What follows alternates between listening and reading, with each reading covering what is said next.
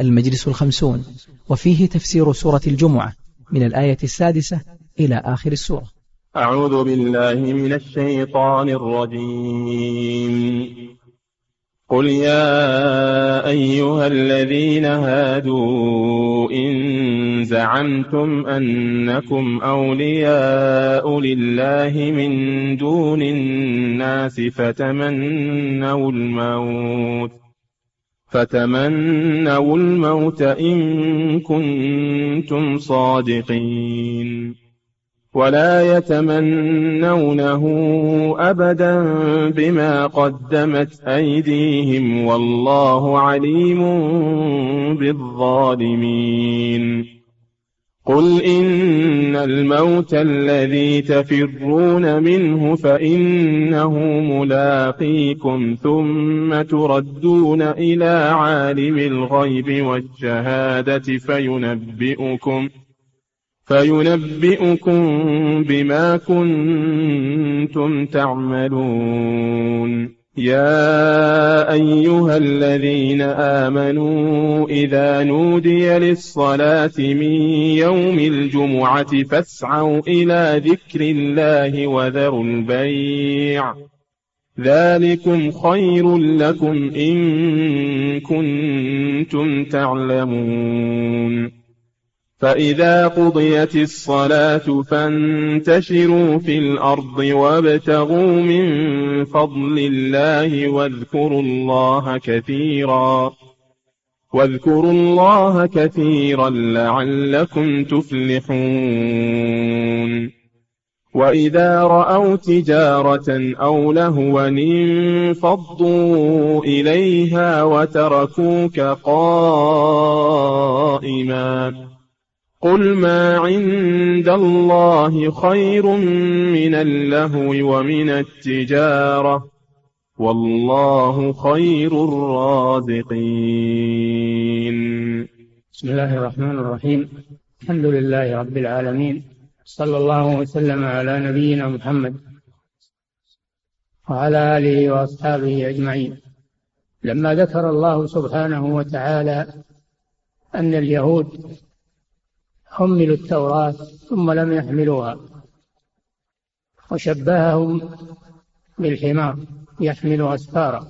وهم مع ذلك ومع هذه المهانة والذلة يدعون لأنفسهم الدعاوى العريضة الكبيرة فيزعمون يزعمون أنهم يحبون الله وأن الله يحبهم وأنهم أبناء الله وأحباؤه. قالت اليهود والنصارى نحن أبناء الله وأحباؤه. وقالوا لن يدخل الجنة إلا من كان هودا أو نصارى. إلى غير ذلك من الدعاوى الكاذبة. وسموا أنفسهم سمى اليهود أنفسهم شعب الله المختار وأن الناس قدم لهم. فلما كانوا يدعون أنهم أولياء الله دون غيرهم.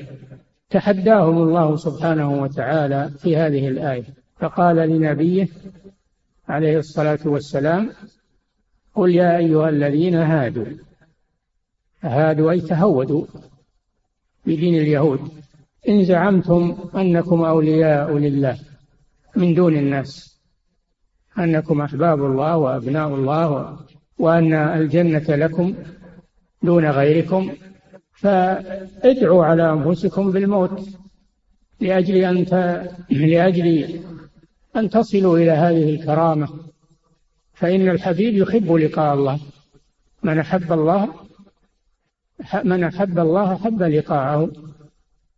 وأنتم تزعمون أن الجنة تنتظركم أنها لكم.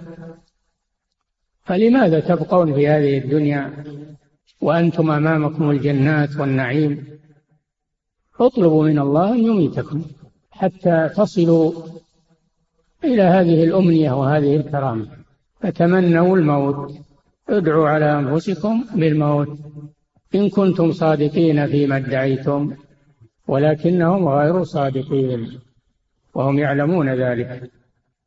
ويعلمون ما ما عند الله لهم من العذاب والنيران. وما أمامهم لأنهم كفروا بالله وعصوا رسله وفعلوا الأفاعيل القبيحة فهم يعلمون مصيرهم مستقبلهم فلذلك لم يتمنوا الموت. فبان كذبهم ولهذا قال ولا يتمنونه أبدا. السبب بما قدمت أيديهم السبب أنهم يعرفون ما قدمت أيديهم للآخرة من الكفر. وأذية الأنبياء والأعمال المشينة هم يعلمون ما قدمت لهم أيديهم. فلذلك يكرهون الموت لأن الموت يوصلهم إلى ما يكرهون ولا يتمنونه أبدا يعني في الدنيا. أما في الآخرة إذا دخلوا النار وقاسوا عذابها إنهم يقولون يا مالك ليقضي علينا رب يتمنون الموت لكن هذا في الدنيا. ولا يتمنونه أبدا بما قدمت أيديهم. وفي سورة البقرة يقول الله سبحانه وتعالى قل إن كانت لكم الدار الآخرة عن الجنة خالصة قل إن كانت لكم الدار الآخرة عند الله خالصة من دون الناس فتمنوا الموت إن كنتم صادقين ولن يتمنوه أبدا ولن يتمنوه أبدا. فأخبر سبحانه أنهم لا ي... لا يمكن أن يتمنوا الموت وهم يعرفون مصيرهم ومآلهم ويعرفون أفعالهم بل إنهم يودون الحياة ولتجدنهم أحرص الناس على حياة ومن الذين أشركوا أحرص من المشركين يعبدون الأوثان على البقاء في الدنيا. ولا تجدنهم أحرص الناس على حياة ومن الذين أشركوا يود أحدهم لو يعمر ألف سنة. وما هو بمزحزحه من العذاب أن يعمر. حتى لو طال عمره ألف سنة فإن العذاب ينتظره. طالت حياته أو قصرت ما دام أنه لم يحسن العمل. فما في الحياة الدنيا فائدة إذا لم تكن على عمل صالح وإن طالت. بل إن طولها أشقى للعبد لأنه يزيد من الكفر والمعاصي والذنوب. هذا قول قول جمهور المفسرين في الآية. والمعنى الثاني أن الله سبحانه وتعالى قال لهم إذا كنتم تزعمون أنكم على حق وأن محمدا والمسلمين على ضلال إذا كنتم تزعمون أنكم على حق وأن المسلمين على ضلال. تعالوا ندعو بالموت على الضال منا وهذا من باب المباهلة وهذا من باب المباهلة بأن يدعى بأن يدعى على الضال من الفريقين. يدعى عليه بالموت العاجل وهذا اختيار الإمام ابن كثير رحمه الله في تفسيره. فإنه يرى أن هذه الآية وآية البقرة من المباهلة والمباهلة أن يدعى بالموت أو اللعنة على الكاذب من الفريقين. قل تعالى ندعو أبناءنا وأبناءكم ونساءنا ونساءكم وأنفسنا وأنفسكم فنبتهل نجعل لعنة الله على الكاذبين. مباهلة. يدعى إذا اختلف فريقان فيدعى على الضال منهما بالموت أو باللعنة. فلما لم يتمنوا الموت دل على أنهم كاذبون في في دعواهم ولا يتمنونه أبدا بما قدمت أيديهم. والله عليم بالظالمين. فهم وإن تمنوا لأنفسهم الأمنيات وادعوا لها الدعاوي فإن الله عليم عليم بأحوالهم ولا ينفعهم تمنيهم ودعاواهم لا تنفعهم شيء. لأن الله جل وعلا لا يروج عليه الدعاوى والكذب عليم بالظالمين من الفريقين من المسلمين أو اليهود وسيجازي الظالمين بما يليق بهم. ثم قال جل وعلا لنبيه محمد صلى الله عليه وسلم قل إن الموت الذي تفرون منه فإنه ملاقيه لما لم يدعوا على أنفسهم بالموت كراهية له ورغبة في الحياة الدنيا فإن الموت آت عليهم ولا بد ولا منجاة لهم منه. الموت الذي تفرون منه تكرهونه وتريدون الابتعاد عنه فإنه أمامك ملاقيكم من العادة أن ما تفر منه يكون خلفك ولكن الموت تفر منه وهو أمامك وربما تسرع إليه ربما تسرع إليه بنفسك لأنه أمامك مهما حاولت محيط بك. وإن الموت الذي تفرون منه فإنه ملاقيكم. قل لن ينفعكم الفرار إن فررتم من الموت أو القتل وإذا لا تمتعون إلا قليلا فإنه ملاقيكم. هذا تهديد لهم ووعيد لهم. ثم هل المسألة موت فقط؟ تنتهي؟ لا. هناك ما هو أشد. ثم تردون إلى عالم الغيب والشهادة. فينبئكم بما كنتم تعملون. يخبركم بأعمالكم ويجازيكم عليها. وعالم الغيب والشهادة هو الله. والغيب ما غاب عن الناس والشهادة ما شاهدوه ورأوه بأعينهم. فالله يعلم الغيب ويعلم الشهادة عنده سواء سبحانه وتعالى. ومن ذلك أنه يعلم أعمال العباد خيرها وشرها. لا تخفى عليه ثم تردون إلى عالم الغيب والشهادة. ولا يمكنكم الحيل يوم يوم القيامة. ما يمكنكم الحيل والإعتذارات والتخلصات. لأن الله يعلم أحوالكم ولا ينفعكم الكذب والتزوير ولا تنفعكم الدعاوى لأن الله جل وعلا لا يخفى عليه شيء ولا يروج عليه الكذب والاحتيال والبهرجة. فينبئكم فيخبركم بما كنتم تعملون في الدنيا دقيقه وجليله ظاهره وخفيه. بما كنتم ما كنتم. هذه عامة لأن اسم الموصول من صيغ العموم. بالذي كنتم تعملون لا يغيب عن الله ولا يخفى عليه شيء من ذلك. وإن أخفيتموه عن الناس فإنه لا يخفى على الله جل وعلا. وهو معكم أينما كنتم. محيط بكم محيط بكم أينما كنتم. في بر أو في بحر أو في جو أو في أرض. أو في ظلمة أو في نهار أو في بيوت أو في فضاء الله جل وعلا معكم محيط بكم فينبئكم بما كنتم تعملون. ثم في آخر السورة خاطب الله المؤمنين خاصة فقال سبحانه يا أيها الذين ها يا أيها الذين آمنوا إذا نودي للصلاة من يوم الجمعة فاسعوا إلى ذكر الله وذروا البيع. هذا نداء من الله للمؤمنين خاصة لأنهم هم الذين يمتثلون أوامر الله ويصغون لندائه سبحانه وتعالى بموجب الإيمان.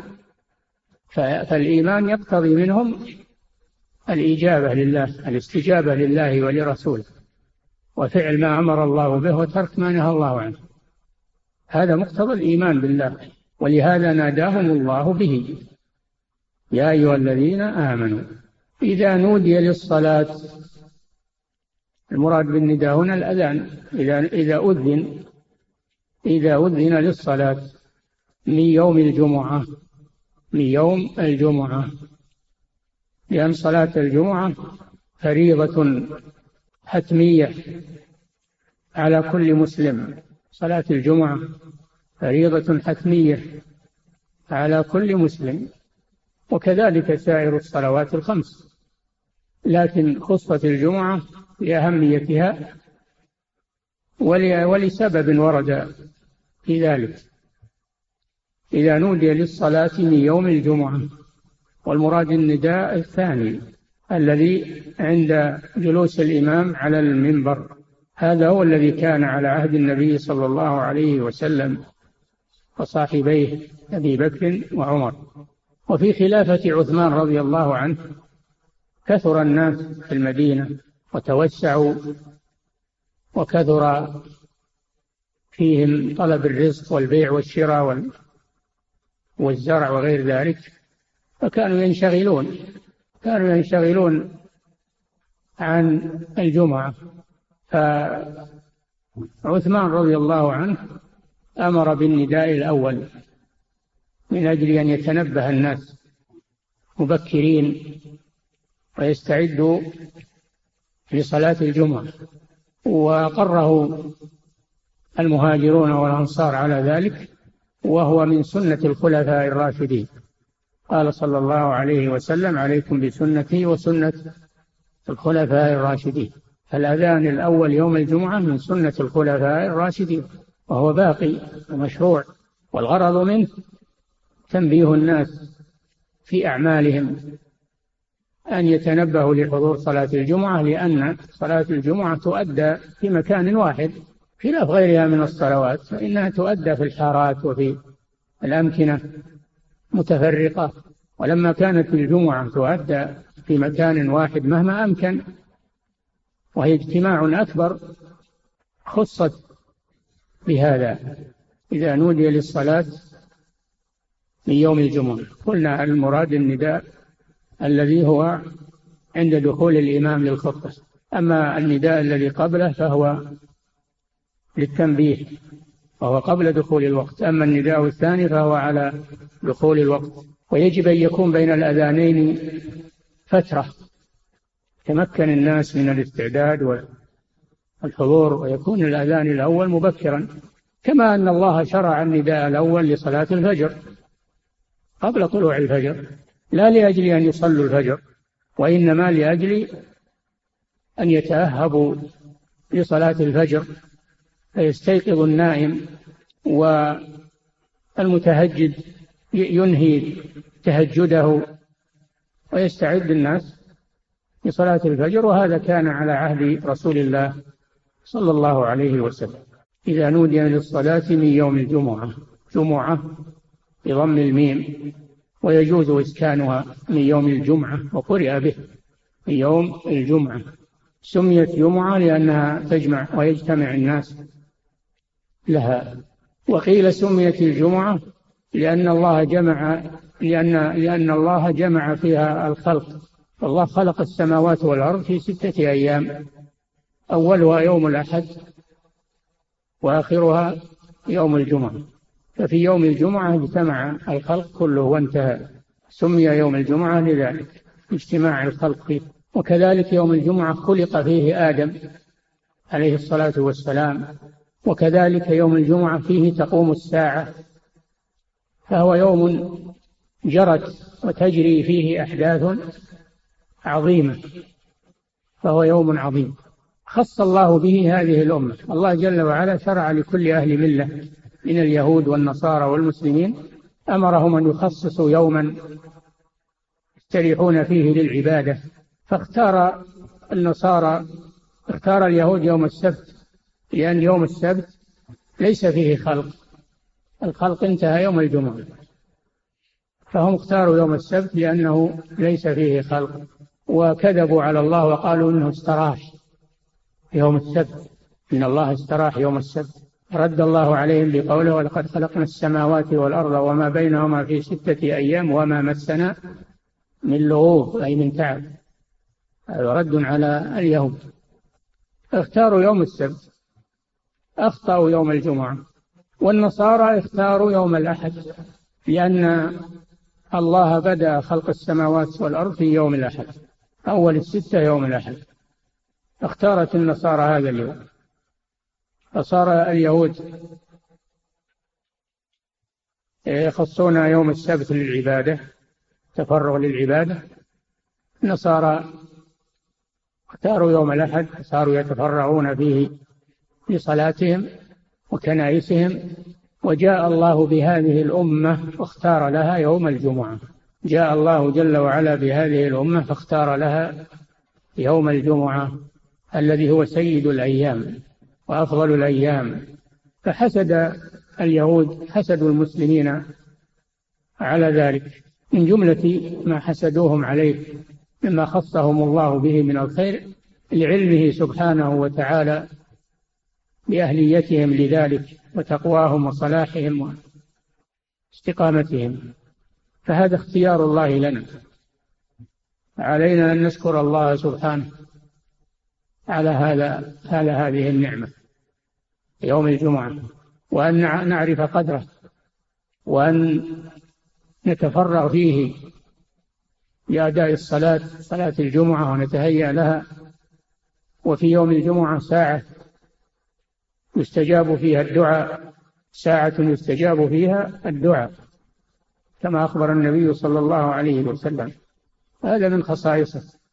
له خصائص كثيرة.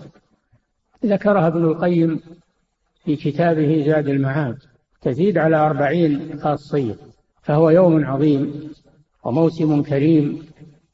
ينبغي للمسلم أن يعرف قدره ولهذا يشرع الاغتسال عند الذهاب للصلاة والتطيب والتزين باللباس لأنه يوم عيد واجتماع للمسلمين عيد اجتماعي.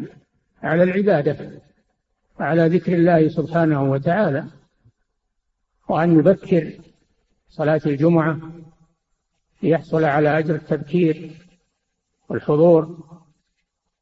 من من راح في الساعة الأولى فكأنما قرب بدنه ومن راح في الساعة الثانية فكأنما قرب بقرة ومن راح الساعة الثالثة فكأنما قرب كبشا. ومن راح في الساعة الرابعة فكأنما قرب دجاجة. ومن راح في الساعة الخامسة فكأنما قرب بيضة. ثم بعد ذلك تنتهي الساعات ويحضر الإمام. فيستحب له التنظف والتطيب والتزين باللباس والتبكير لحضور الصلاة.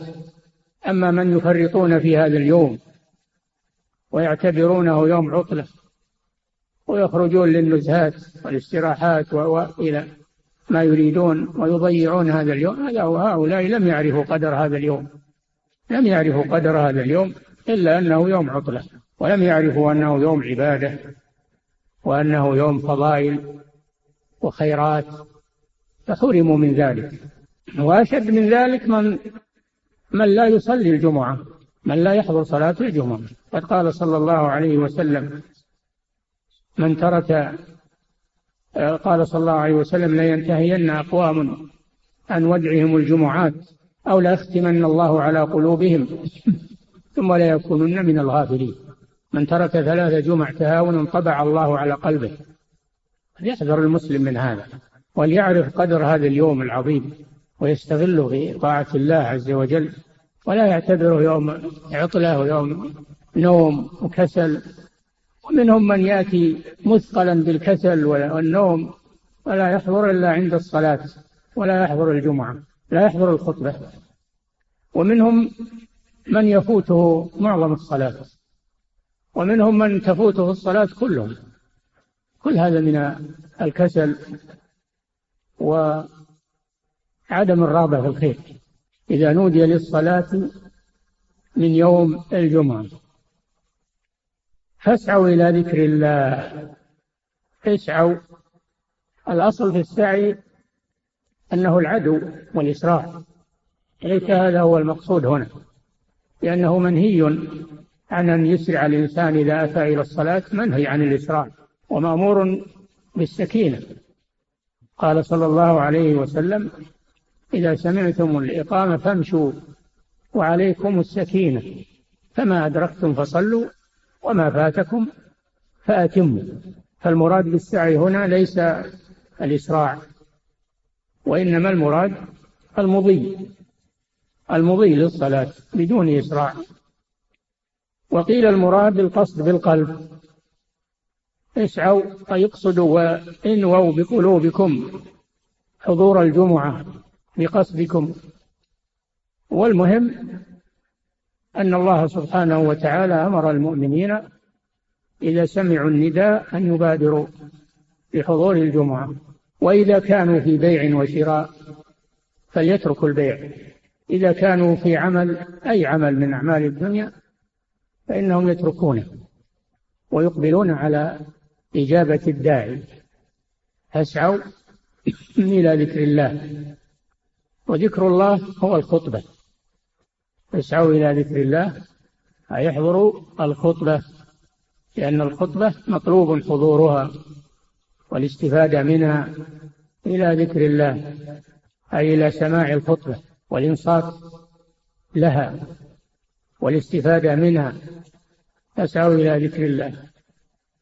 وذروا البيع اتركوا البيع اتركوا البيع. فدل على أن المسلمين يبيعون ويشترون ويطلبون الرزق. ولكن إذا سمعوا النداء تركوا البيع وأقبلوا على الصلاة. كل شيء له وقت.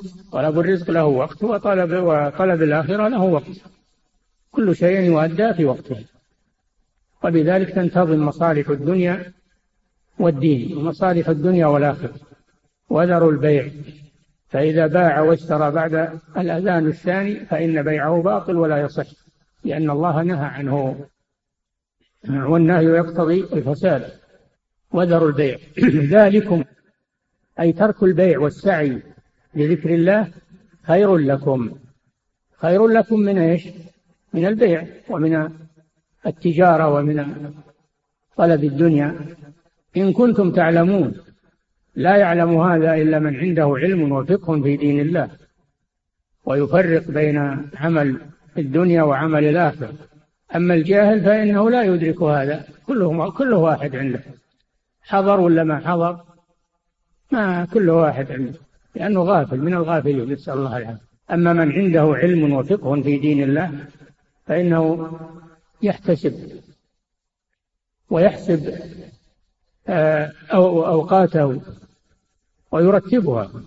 ذلكم خير لكم إن كنتم تعلمون. فدل على أن الذي لا يقبل على صلاة الجمعة ولا يحضر الخطبة أنه جاهل أنه جاهل وهذا ذم له ذم له لأن الجهل عيب. ذلكم خير لكم إن كنتم تعلمون. فإذا قضيت الصلاة إذا قضيت الصلاة صلاة الجمعة فاسعوا إلى ذكر الله. آه، فإذا قضيت الصلاة فانتشروا في الأرض. انتشروا في الأرض لا تبقوا في المسجد لأن المهمة انتهت وأنتم بحاجة إلى طلب الرزق. والذي يبقى في المسجد يعطل طلب الرزق. انتشروا في الأرض وابتغوا من فضل الله أي, اطلبوا الرزق فضل الله هو الرزق بالبيع والشراء وغيره لأن وقت النهي انتهى وعادت الأمور إلى ما كان قبل صلاة الجمعة من البيع والشراء طلب الرزق والأمر هنا ليس للوجوب. اسعوا إلى ذكر الله. فإذا قضيت الصلاة فانتشروا في الأرض وابتغوا من فضل الله. هذا أمر لكنه ليس للوجوب. والدليل على ذلك أنه جاء بعد بعد النهي. والأمر إذا جاء بعد نهي فإنه للإباحة. نهى عن البيع ثم أمر به. نهى عن البيع ثم أمر به. جاء النهي جاء الأمر بعد النهي عن الشيء دل على إباحة ذلك. انتشروا في الأرض وابتغوا من فضل الله أي اطلبوا البيع والشراء وطلب الرزق. ومع هذا مع طلب الرزق وفضل الله لا تنسوا ذكر الله. تغفلوا عن ذكر الله حتى وأنتم في الأعمال وفي البيع والشراء. اذكروا الله في أنواع الذكر. اذكروا الله كثيرا. ما هو ذكر يسير؟ اذكروا الله كثيرا بالتسبيح والتهليل والتحميد وغير ذلك. فلا يغفل الإنسان عن ذكر الله عز وجل. يبيع ويشتري ويشتغل أي شغل من طلب الرزق ويذكر الله سبحانه وتعالى ولا يعطل الذكر. واذكروا الله كثيرا. لعلكم تفلحون. أي رجاء الفلاح. والفلاح ضد الخسار لعلكم تفلحون. فذكر الله من أسباب الفلاح والغفلة عن ذكر الله من أسباب الخسار. واذكروا الله كثيرا لعلكم تفلحون. ثم قال جل وعلا وإذا رأوا تجارة أو لهوا انفضوا إليها وتركوك قائما. قل ما عند الله خير من اللهو ومن التجارة. والله خير الرازقين. سبب نزول الآية هذه أنها أن المسلمين كانوا في فقر وفي فاقة. ثم جاءت عير جاءت عير من الشام عليها بضائع وهم بحاجة فسمعوا بها وكانوا في المسجد جالسين يستمعون الخطبة. من الرسول صلى الله عليه وسلم فلما سمعوا بقدوم العير خرجوا إليها ولم يبق مع الرسول صلى الله عليه وسلم إلا اثنا عشر رجلا منهم أبو بكر وعمر رضي الله عنهم. فعاب الله عليهم ذلك. وإذا رأوا تجارة أو لهوا انفضوا إليها أي للتجارة. وتركوك قائما أي تخطب على المنبر. عاب ذلك عليهم ووبخهم سبحانه وتعالى لكنهم فعلوا هذا بشدة الحاجة وشدة الفاقة. كل يريد أن أنه يأخذ من هالعير شيئا يدفع به حاجته. فلذلك الله جل وعلا عاب عليهم ذلك وأمر أن الذي يحضر الخطبة لا ينصرف عنها ويستمع إليها ويمسك إليها. انفضوا إليها وتركوك قائما. قالوا وهذا والله أعلم. أيضا كان في أول الأمر لما كانت الخطبتان بعد الصلاة. كان النبي صلى الله عليه وسلم يصلي أولا يصلي الجمعة أولا ثم يخطب كما في العيد والاستسقاء. ثم بعد ذلك قدمت الخطبتان على على الصلاة. انفضوا إليها وتركوك قائما. قال الله سبحانه وتعالى قل ما عند الله من الأجر والثواب والرزق أيضا. الرزق في الدنيا والثواب والأجر في الآخرة. قل ما عند الله خير من اللهو ومن التجارة. والله خير الرازقين. فيطلب الرزق من الله جل وعلا مع أداء ما أوجب الله من عبادته وحده لا شريك له. فابتغوا عند الله الرزق واعبدوه واشكروا له. والحمد لله ديننا لا يمانع في طلب الرزق. إذا كان لا يشغل عن أداء الواجبات لا بل بل يأمر بذلك ويحث عليه. فديننا جامع بين مصالح الدين و والدنيا. جامع بينهما. آه، فإذا قضيت الصلاة فانتشروا في الأرض وابتغوا من فضل الله واذكروا الله كثيرا. لعلكم تفلحون. ما أمرنا بالبقاء في المساجد دائما والاعتكاف دائما بل نطلب الرزق نطلب الرزق من الله سبحانه وتعالى ونأتي للمساجد إذا سمعنا النداء. في بيوت أذن الله أن ترفع ويذكر فيها اسمه يسبح له فيها بالغدو والآصال رجال لا تلهيهم تجارة ولا بيع عن ذكر الله وإقام الصلاة. وقال جل وعلا يا أيها الذين آمنوا لا تلهكم أموالكم ولا أولادكم عن ذكر الله. لم ينهنا عن الأموال والأولاد بل نهانا عن اللهو بها عن ذكر الله تشغلنا عن ذكر الله. هذا الذي نهانا الله عنه. فإذا قدمنا طلب الدنيا على طاعة الله وعلى عبادة الله فهذا هو الذي نهانا الله عنه. أما إذا أدينا العبادة في وقتها وطلبنا الرزق في وقته فهذا مما أمر الله جل وعلا به. فهذه سورة عظيمة فيها أحكام عظيمة وتسمى سورة الجمعة لأن الله ذكر فيها يوم الجمعة وصلاة الجمعة وكان النبي صلى الله عليه وسلم يقرأ بها في الركعة الأولى في صلاة الجمعة ويقرأ في الثانية سورة المنافقون وأحيانا يقرأ في الأولى بسبح اسم ربك الأعلى وبالثانية هل أتاك حديث الغاشي. فيستحب قراءة هاتين السورتين في صلاة الجمعة. سورة الجمعة وسورة إذا جاءك المنافقون أو سورة الأعلى والغاشي. ابتداء بالنبي صلى الله عليه وسلم. نعم. والله تعالى أعلم وصلى الله وسلم على نبينا محمد على آله وأصحابه أجمعين. أحسن الله إليكم. سماحة الوالد يقول السائل التفكر في القرآن وتدبر آياته هل يلزم لذلك معرفة التفسير والمعاني أم أن الإنسان يجري فكره لتأمل الآيات وربطها بالواقع واستنباط الفوائد منها دون الرجوع للتفسير؟ لن يفهم تفسير الآيات إلا إذا رجع إلى تفسيرها من كلام الله وكلام رسوله وكلام أهل العلم ما يرجع إلى نفسه في ذلك ولا يفسر القرآن برأيه وبما يظهر له. تفسير القرآن يحتاج إلى مرجع إلى مرجع موثوق. وقد دون التفسير الصحيح ولله الحمد فيرجع إليه يرجع المسلم إليه ولا يعتمد على فهمه وعلى نفسه في ذلك. لئلا يقول على الله بغير علم ويفسر كلام الله بغير علم. فيستحق الوعيد الشديد في ذلك. نعم. أحسن الله إليكم سماحة الوالد. يقول السائل هل ما يجده الإنسان من كراهية للموت يعتبر ذلك نقصا في دينه وإيمانه؟ وهل هذا الشعور يكون بسبب عمله؟ كراهية الموت أمر طبيعي. ما أحد يحب الموت. حتى البهائم تنفر من الموت.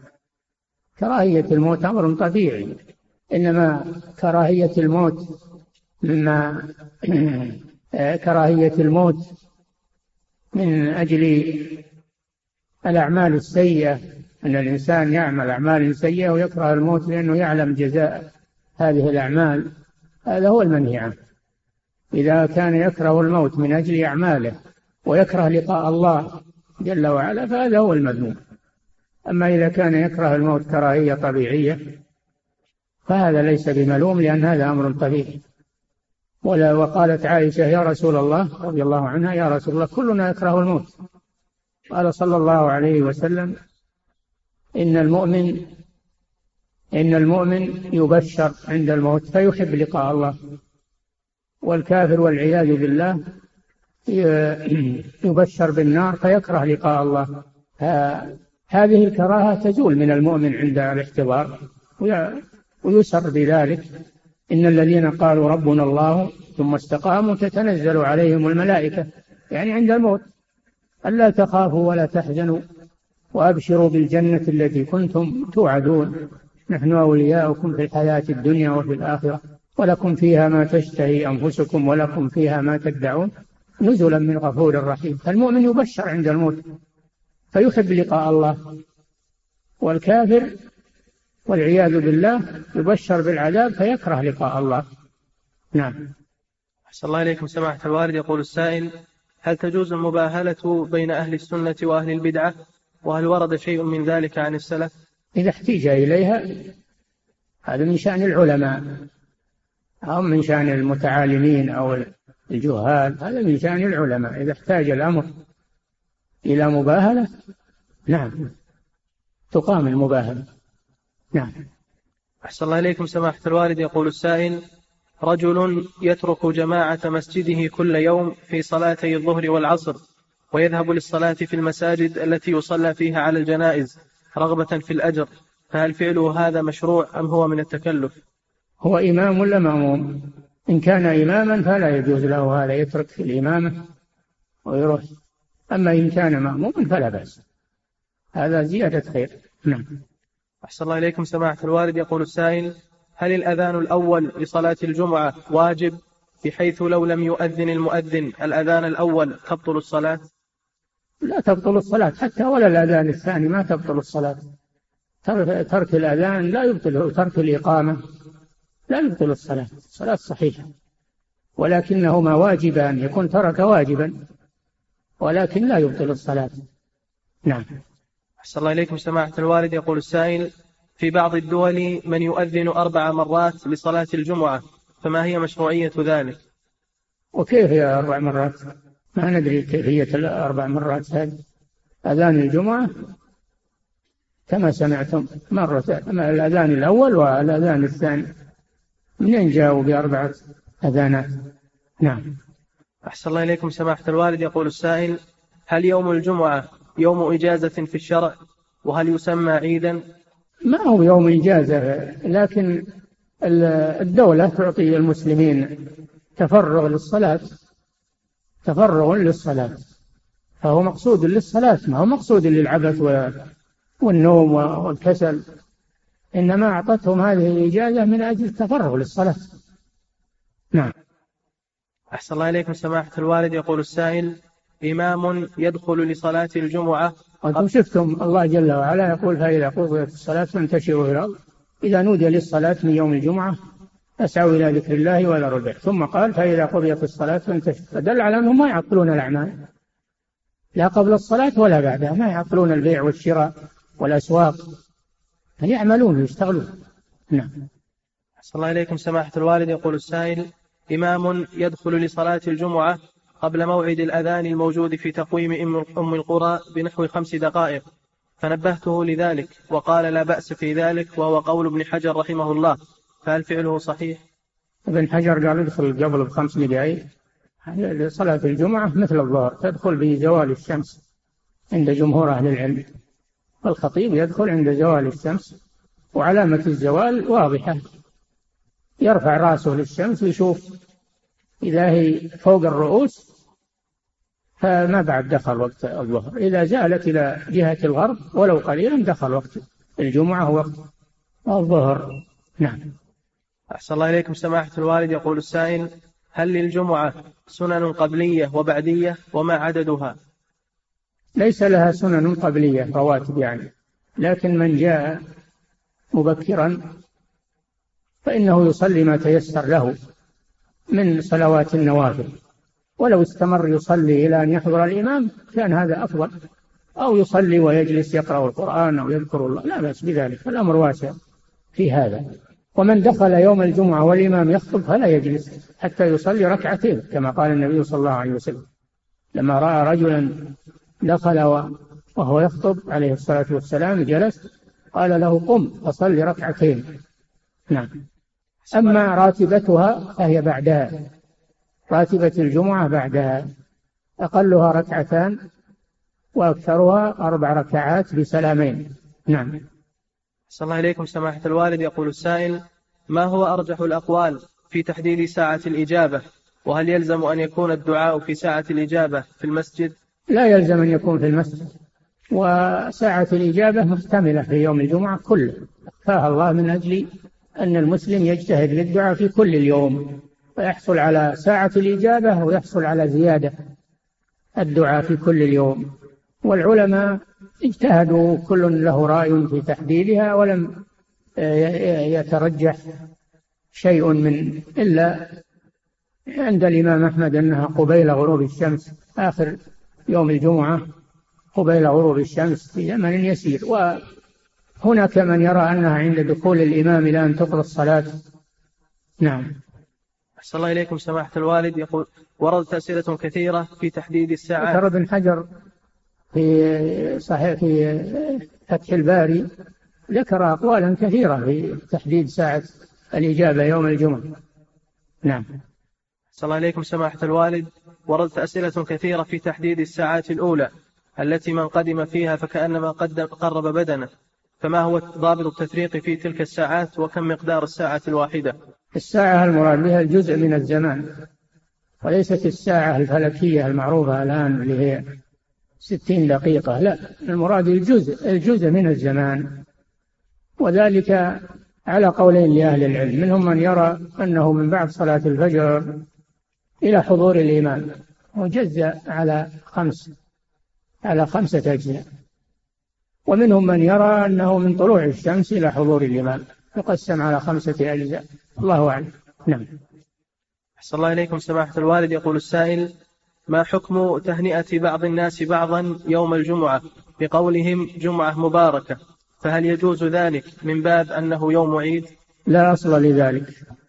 هذا ليس له أصل. تهنئة يوم الجمعة ليس له أصل.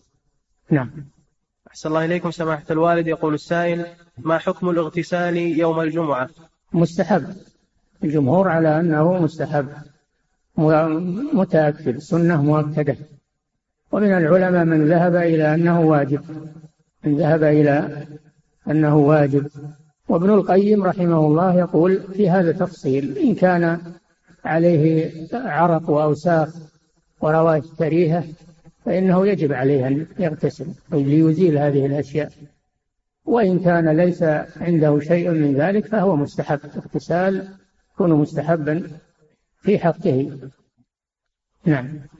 أحسن الله إليكم سماحة الوالد. يقول السائل إذا صلى المسافر صلاة الجمعة مع الجماعة بنية صلاة الظهر لكي يجمع بعدها صلاة العصر فهل فعله صحيح؟ لا لا ما هو صحيح. إذا حضر مع الإمام يتبع الإمام يصلي جمعة ولا يجمع معها العصر ما يجمع معها العصر ويصلي مع الإمام تبع للإمام. إنما جعل الإمام ليتم به ويحصل على الفضيلة أيضا فضيلة الجمعة. كيف يفرط فيها علشان الجمع؟ نعم. أحسن الله إليكم سماحة الوالد. يقول السائل إذا كان الإنسان يخرج إلى البرية بقصد النزهة فهل يكون ممن دخل في الحديث الوارد في الوعيد على المتهاون في الجمعة إذا كان خروجه أكثر من ثلاث جمع. يخشى عليه ذلك. إذا داوم على الخروج واعتبر يوم الجمعة أنه يوم خروج وداوم على هذا يخشى عليه من الوعيد. أما مرة واحدة أو مرتين هذا يتسامح فيه. نعم. لكن مهما أمكن أن يصلي الجمعة في المكان الذي يناسبه فإنه يحرص على ذلك. نعم. أحسن الله إليكم سماحة الوالد يقول يعني مع الناس ما هو بيصليها في في البر؟ ما تصلى الجمعة في البر يصليها في الجامع القريب منه. يكون يكون حول حول جامع قريب منه. نعم يصلي فيه الجمعة. نعم. أحسن الله إليكم سماحة الوالد يقول السائل ما حكم من لا يحضر الخطبة نية وقصدا؟ فيأتي بعد الخطبة مع تكبيرة الإحرام ويصلي مع الإمام. هذا عاصي عاص لله ولرسوله. ليتعمد عدم حضور الخطبة هذا عاص لله لأن الله قال فاسعوا إلى ذكر الله وذكر الله هو الخطبة. نعم. أحسن الله إليكم سماحة الوالد. لهذا قالوا صلاة الجمعة ركعتين خففت من أجل الخطبتين فالخطبتان تقومان مقام ركعتين تكون الخطبتان بمثابة ركعتين وهذا مما يؤكد حضورهما. نعم. أحسن الله إليكم سماحة الوالد. يقول السائل ما حكم استماع الخطبة في صلاة الجمعة؟ واجب لمن حضرها يجب عليه الإنصات ويحرم الكلام والإمام يخطب ويجب عليه الإنصات. نعم. والذي يتكلم كالحمار يحمل أسفارا كما قال النبي صلى الله عليه وسلم وتلغو جمعته. الذي مس الحصى فقد لغى حتى ما يحرك. أعضاؤه يخطط في الأرض ولا ما يعمل هذا. يقطع الحركة ويقبل على السماع فإن تحرك وتلفت وحرك في الأرض وأخذ هذا وحط هذا فهو كالحمار يحمل أسفار نعم. أحسن الله إليكم سماحة الوالد. يقول السائل إذا ذهب جماعة إلى البر وصلوا الجمعة في البر هل يجزئ ذلك عن صلاة الظهر؟ لا هذا باطل ولا يجوز ولا تقام صلاة الجمعة في البر. ما كان النبي صلى الله عليه وسلم في أسفاره كلها. ما كان يقيم صلاة الجمعة. إلا في الحضر في البلد. نعم. أحسن الله إليكم سماحة الوالد. يقول السائل هل المقصود بالتجوز في ركعتي تحية المسجد والإمام يخطب؟ الاقتصار في القراءة على الفاتحة فقط دون قراءة السورة بعدها؟ لا ما هو بالمقصود هذا. يقرأ بعد الفاتحة لكن لا يطول القراءة. يقرأ بعدها قراءة يسيرة. نعم. أحسن الله إليكم سماحة الوالد. يقول السائل ثبت في الحديث أن النبي صلى الله عليه وسلم كان يقرأ سورة قاف في الخطبة. فهل كان يقرأ السورة بدون تفسير أي بمجرد قراءة الآيات أم أنه كان يقسمها على الخطبة على الخطبتين؟ الرسول صلى الله عليه وسلم يقتصر على التلاوة والتلاوة تفسير. قراءته صلى الله عليه وسلم تفسير لأنه يقرأ قراءة واضحة وقراءة مؤثرة عليه الصلاة والسلام. وما كان يقرأ السورة كاملة في الخطبة إنما فرقها على الأيام. يقرأ في الجمعة منها ويقرأ في الجمعة الثانية منها ويقرأ في الثالثة منها حتى تكمل. ما كان يقرأها كاملة. نعم. أحسن الله إليكم سماحة الوالد. يقول السائل هل يجوز البيع بعد النداء لفريضة أخرى غير الجمعة أم أن النهي خاص بالبيع والشراء بعد النداء لصلاة الجمعة؟ نعم هو خاص بالنداء ليوم الجمعة لأنه هو الذي وردت فيه الآية وردت فيه الآية ولم ينهى عن ذلك في غيرها لكن البيع الذي لا يشغل عن صلاة الجماعة الذي يشغل عن صلاة الجماعة هذا حرام. نعم. أحسن الله إليكم سماحة الوالد يقول السائل هل لا تلهكم أموالكم ولا أولادكم عن ذكر الله. نعم. أحسن الله إليكم سماحة الوالد يقول السائل هل الأفضل أن أصلي الجمعة؟ في الجامع القريب من بيتي ماشيا أو في جامع بعيد لا بد فيه من ركوب السيارة لأن لأنه تقام فيه صلاة الجنازة. أنت بالخيار إن شئت صل بالمسجد القريب منك أو المسجد الآخر الذي فيه مرجح وهو صلاة الجنازة أو أن أن إمامه يؤثر في خطبته ويفيد الحاضرين أكثر من غيره. إذا كان ذهابك للمسجد البعيد لأجل مرجح شرعي فلا بأس بذلك. نعم. أحسن الله إليكم سماحة الوالد. يقول السائل ما المراد بحديث من ترك ثلاث جمع متتاليات طبع الله على قلبه؟ واضح الحديث أن الله يطبع على قلبه فلا فلا يموت قلبه بعد ذلك ولا يصل إليه خشية ولا خوف من الله عز وجل ويكون قلبه قاسيا كالحجر لا يستفيد. نعم. أحسن الله إليكم سماحة الوالد. يقول السائل خطب عندنا خطيب في صلاة الجمعة فكانت مدة الخطبة ساعة ونصف فخرج بعض الناس من المسجد ولم يكملوا سماع الخطبة ولا الصلاة فهل من خرج يأثم هذا الخطيب قد أساء قد أساء وخالف قول الرسول صلى الله عليه وسلم في هديه في خطبة الجمعة أنه كان أنه أنه صلى الله عليه وسلم كانت خطبته كلمات معدودات مباركات.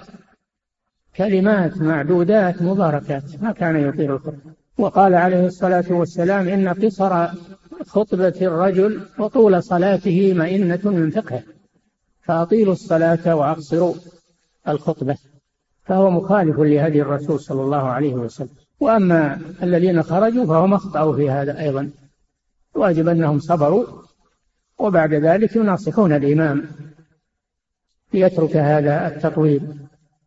نعم. لأنه يحسب الإمام يمكن يحسب أن هذا أنه أنهم رغبا للناس وأنهم يحبون هذا التطويل ولا يدري أنهم يكرهون هذا الشيء فيناصحونهم. نعم. أحسن الله إليكم سماحة الوالد. يقول السائل خطيب خطب خطبة واحدة يوم الجمعة وأسقط الثانية سهوا فما حكم صلاته تلك وما حكم صلاة المأمومين خلفه؟ تعاد صلاة الجمعة ظهرا لأن الخطبتين كما ذكر أهل العلم عوض عن ركعتين. فتركه فهذا ما أكمل ما أكمل الصلاة. تعاد صلاة الجمعة تعاد ظهرا. نعم. أحسن الله إليكم سماحة الوالد. يقول السائل ما هو تفسير قوله تعالى؟ وإن منكم إلا واردها كان على ربك حتما مقضيا. هو المرور على الصراط. وإن منكم إلا واردها يعني كل الناس المسلمون والكفار والأتقياء والفجار والأولون والآخرون كلهم يمرون على الصراط وهو جسر فوق جهنم تجري بهم أعمالهم فمنهم من يمر سريعا ومنهم من يمر بطيئا ومنهم من يمر متوسطا ومنهم من يسقط في جهنم والعياذ بالله منهم من يزحف زحفا ومنهم من يمشي مشيا ومنهم من يعدو عدوى ومنهم من هو كالفرس الجواد. ومنهم من يكون كركاب الإبل ومنهم من يكون كالبرق كالبرق الخاطف الناس يختلفون بحسب أعمالهم. ولا بد لكل الخليقة أن تمر على الصراط. ثم ننجي الذين اتقوا ونذر الظالمين فيها جثيا. نعم. أحسن الله إليكم سماحة الوالد. يقول السائل في هذا اليوم الثاني عشر من شهر ربيع الأول يحتفل كثير من الناس بما يسمى بالمولد النبوي. فما هو قولكم وتوجيهكم للمسلمين في هذا اليوم؟ هذه العادة أن الإنسان إذا جهل السنن أو تكاسل عنها يذهب إلى البدع يتعوض عنها بالبدع ويزعم أن هذا يكفيه عن السنن وعن الاقتداء بالرسول صلى الله عليه وسلم وهذا غلط وجهل. والاحتفال بالمولد بدعة. قد قال صلى الله عليه وسلم كل بدعة ضلالة كل ضلالة في النار. فهو بدعة لأنه لم يكن من عمل الرسول صلى الله عليه وسلم ولا عمل أصحابه ولا عمل القرون المفضلة وإنما حدث بعد القرون المفضلة على يد الفاطميين وغيرهم من الصوفية والمبتدعة. وتوارثه الناس على أنه سنة وهو بدعة.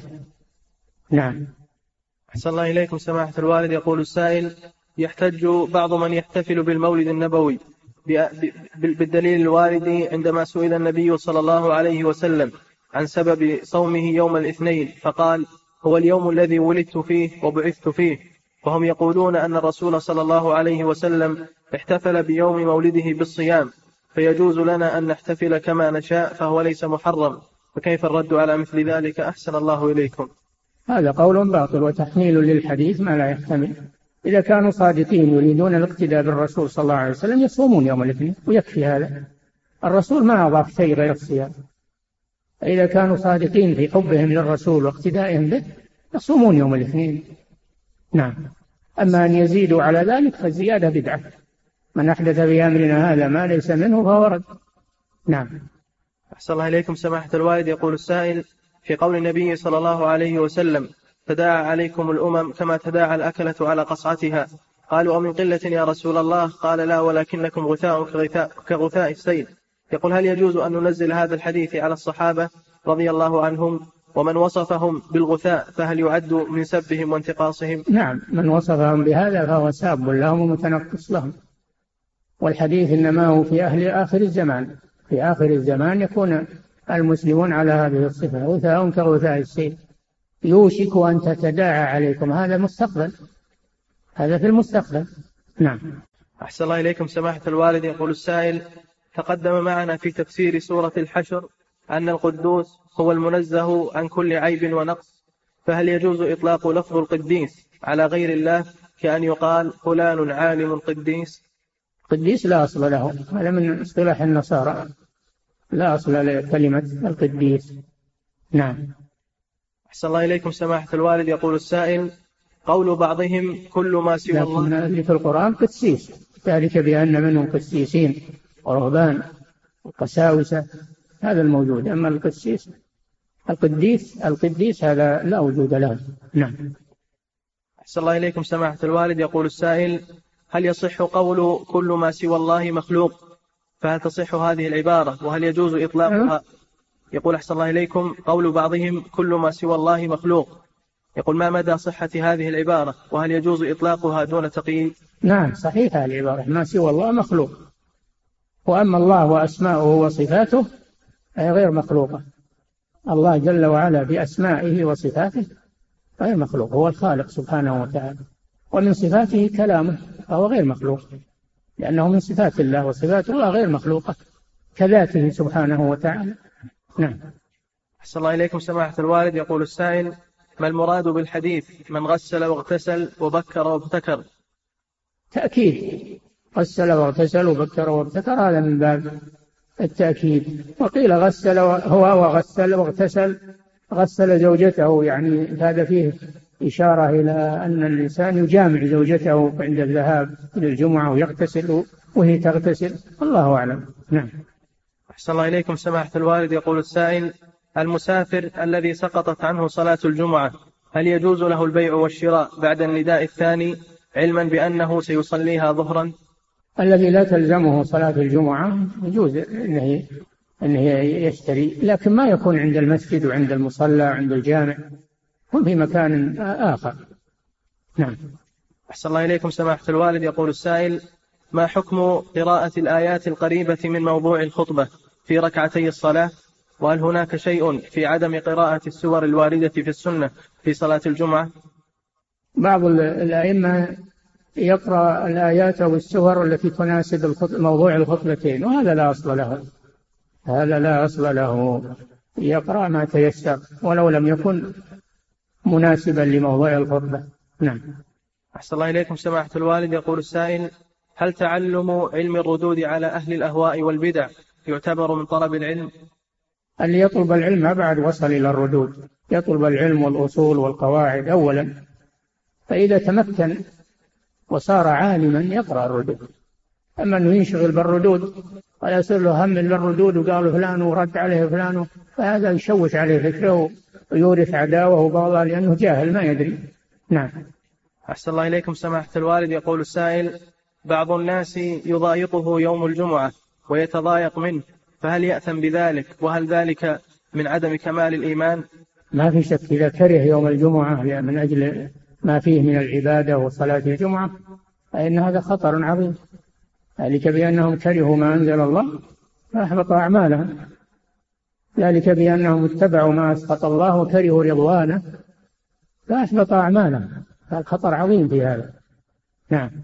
أحسن الله إليكم سماحة الوالد. يقول السائل من حضر الدرس وبعد نهايته خرج ولم يستمع للأسئلة فهل يكتب له الأجر الوارد في الحديث قوموا مغفورا لكم أم لا بد من الجلوس حتى نهاية الدرس؟ حسب الإمكان. كل يجلس حسب استطاعته وإمكانه. كل ما طال الجلوس واستفاد فهو أفضل. نعم. أحسن الله إليكم سماحة الوالد. يقول السائل خطيب يصعد على المنبر قبل الزوال بثلث ساعة وأحيانا ينتهي من الخطبة ويدخل في الصلاة قبل دخول الوقت بدقيقتين فهل تصح الصلاة خلفه وما حكم فعله؟ سمعتم الإجابة أن الخطبة تبدأ من دخول الوقت هذا هو الذي عليه جمهور أهل العلم والإنسان ما يدخل في الخلافات والأشياء هذه ويخاطر بصلاته. صلاته على خطر إذا بدأها قبل دخول الوقت على خطر ما نقول إنها باطلة لأن فيه من يقول إنه لا بأس بذلك وأن يوم الجمعة خاص. قبل الزوال لا بأس. لكن نحن ما ننظر للاقوال ننظر إلى إلى الاحتياط والدين وإلى الأدلة الراجحة في هذا. والراجح في هذا أن خطبه الجمعة تبدأ من الزوال. صلاة الجمعة بعدها. نعم. فلا يدخل الإنسان في المتاهات والخلافات يشوش على الناس. نعم. أحسن الله إليكم سماحة الوالد. يقول السائل مسافر حضرته صلاة الجمعة في أحد المدن. فطلب منه أن يصلي بهم الجمعة فهل يجوز له ذلك؟ صحيح أنه لا بأس أن المسافر يؤم في صلاة الجمعة. الصحيح أنه لا بأس بذلك وإن كان هناك من يرى من الفقهاء أن المسافر لا يخطب. نعم. أحسن الله إليكم سماحة الوالد. يقول السائل الذين يعملون في الحراسات الأمنية ملزمون بعدم ترك مواقع الحراسة كالبنوك وبعض الشركات فهل يعذرون بتركهم صلاة الجمعة مع المسلمين؟ في المساجد بداعي الخوف على هذه البنوك والشركات من السرقة؟ نعم نعم. هؤلاء معذورون ولا يجوز لهم أن يذهبوا للمساجد ويتركوا ما اؤتمنوا عليه ووكل إليه الحفظ وضبطه. هم معذورون في هذا. الحمد لله. نعم. أحسن الله إليكم سماحة الوالد. يقول السائل إذا تكلم رجل بعد الأذان وقبل بداية الخطبة فهل يكون قد لغى؟ إذا يقول أحسن الله إليكم إذا تكلم رجل بعد الأذان وقبل بداية الخطبة فهل يكون قد لغى؟ لا. لا يكون قد لغى إلا إذا تكلم والإمام يخطب. أما قبل الخطبة أو بعدها فلا بأس بالكلام. نعم. أحسن الله إليكم سماحة الوالد. يقول السائل ما المراد بقوله تعالى الذي يراك حين تقوم وتقلبك في الساجدين؟ الله جل وعلا يرى رسوله صلى الله عليه وسلم حين يقوم من النوم لصلاة الليل ويتقلب مع القائمين في صلاة الليل يراه سبحانه وتعالى. فهذا من باب من باب التشجيع للرسول صلى الله عليه وسلم والتسلية له عن هذا المشركين. توكل على العزيز الرحيم الذي يراك حين تقوم وتقلبك في الساجدين إنه هو السميع العليم. لا تهتم بهؤلاء. لأن الله يراك سبحانه وتعالى ويحفظك. نعم. أحسن الله إليكم سماحة الوالد. يقول السائل عندنا في المنطقة الجنوبية اغتر الناس ببئر يقع في محاي العسير واعتقدوا أن فيه شفاء فهم يغتسلون منه ويشربون منه ويسافرون من أجله مسافات طويلة. فما حكم فعلهم ذلك؟ وما هي النصيحة للناس؟ الواجب أن يكتب تقرير عن هذه البئر وما يصل وما يحصل فيها ويرفع للإفتاء وينظرون فيه إن شاء الله. نعم. أحسن الله إليكم سماحة الوالد. يقول السائل كنت أسوق سيارة صاحبي وصدمتني شاحنة لها تأمين. فهل يجوز أخذ مبلغ من شركة تأمين الشاحنة من أجل إصلاح سيارة صاحبي؟ هذا لصاحبك أنت ما عليك أنت سواق فقط ولا تأخذ شيء اللي يأخذ هو صاحب السيارة. نعم. أحسن الله إليكم سماحة الوالد. يقول السائل رجل استدان من رجل ذهبا فهل يجوز أن يردها بما يساويها من الريالات؟ رجل. يقول أحسن الله إليكم رجل استدان من رجل ذهبا فهل يجوز أن يردها بما يساويها من الريالات؟ نعم هذه مصارفة لا بأس أن تصرف ما في ذمتك من الذهب بدراهم. لا بأس بذلك بشرط التقابض في المجلس. نعم. أحسن الله إليكم سماحة الوالد يقول السائل في حديث السبعين ألف الذين يدخلون الجنة بغير حساب ولا عذاب في قول النبي صلى الله عليه وسلم لا يسترقون يقول هل من طلب من الطبيب العلاج لمرض بسيط كالبرد ونحوه يخرج من السبعين ألف؟ العلاج مباح الحمد لله. لكن المراد بالحديث أن الإنسان ما يحتاج للناس.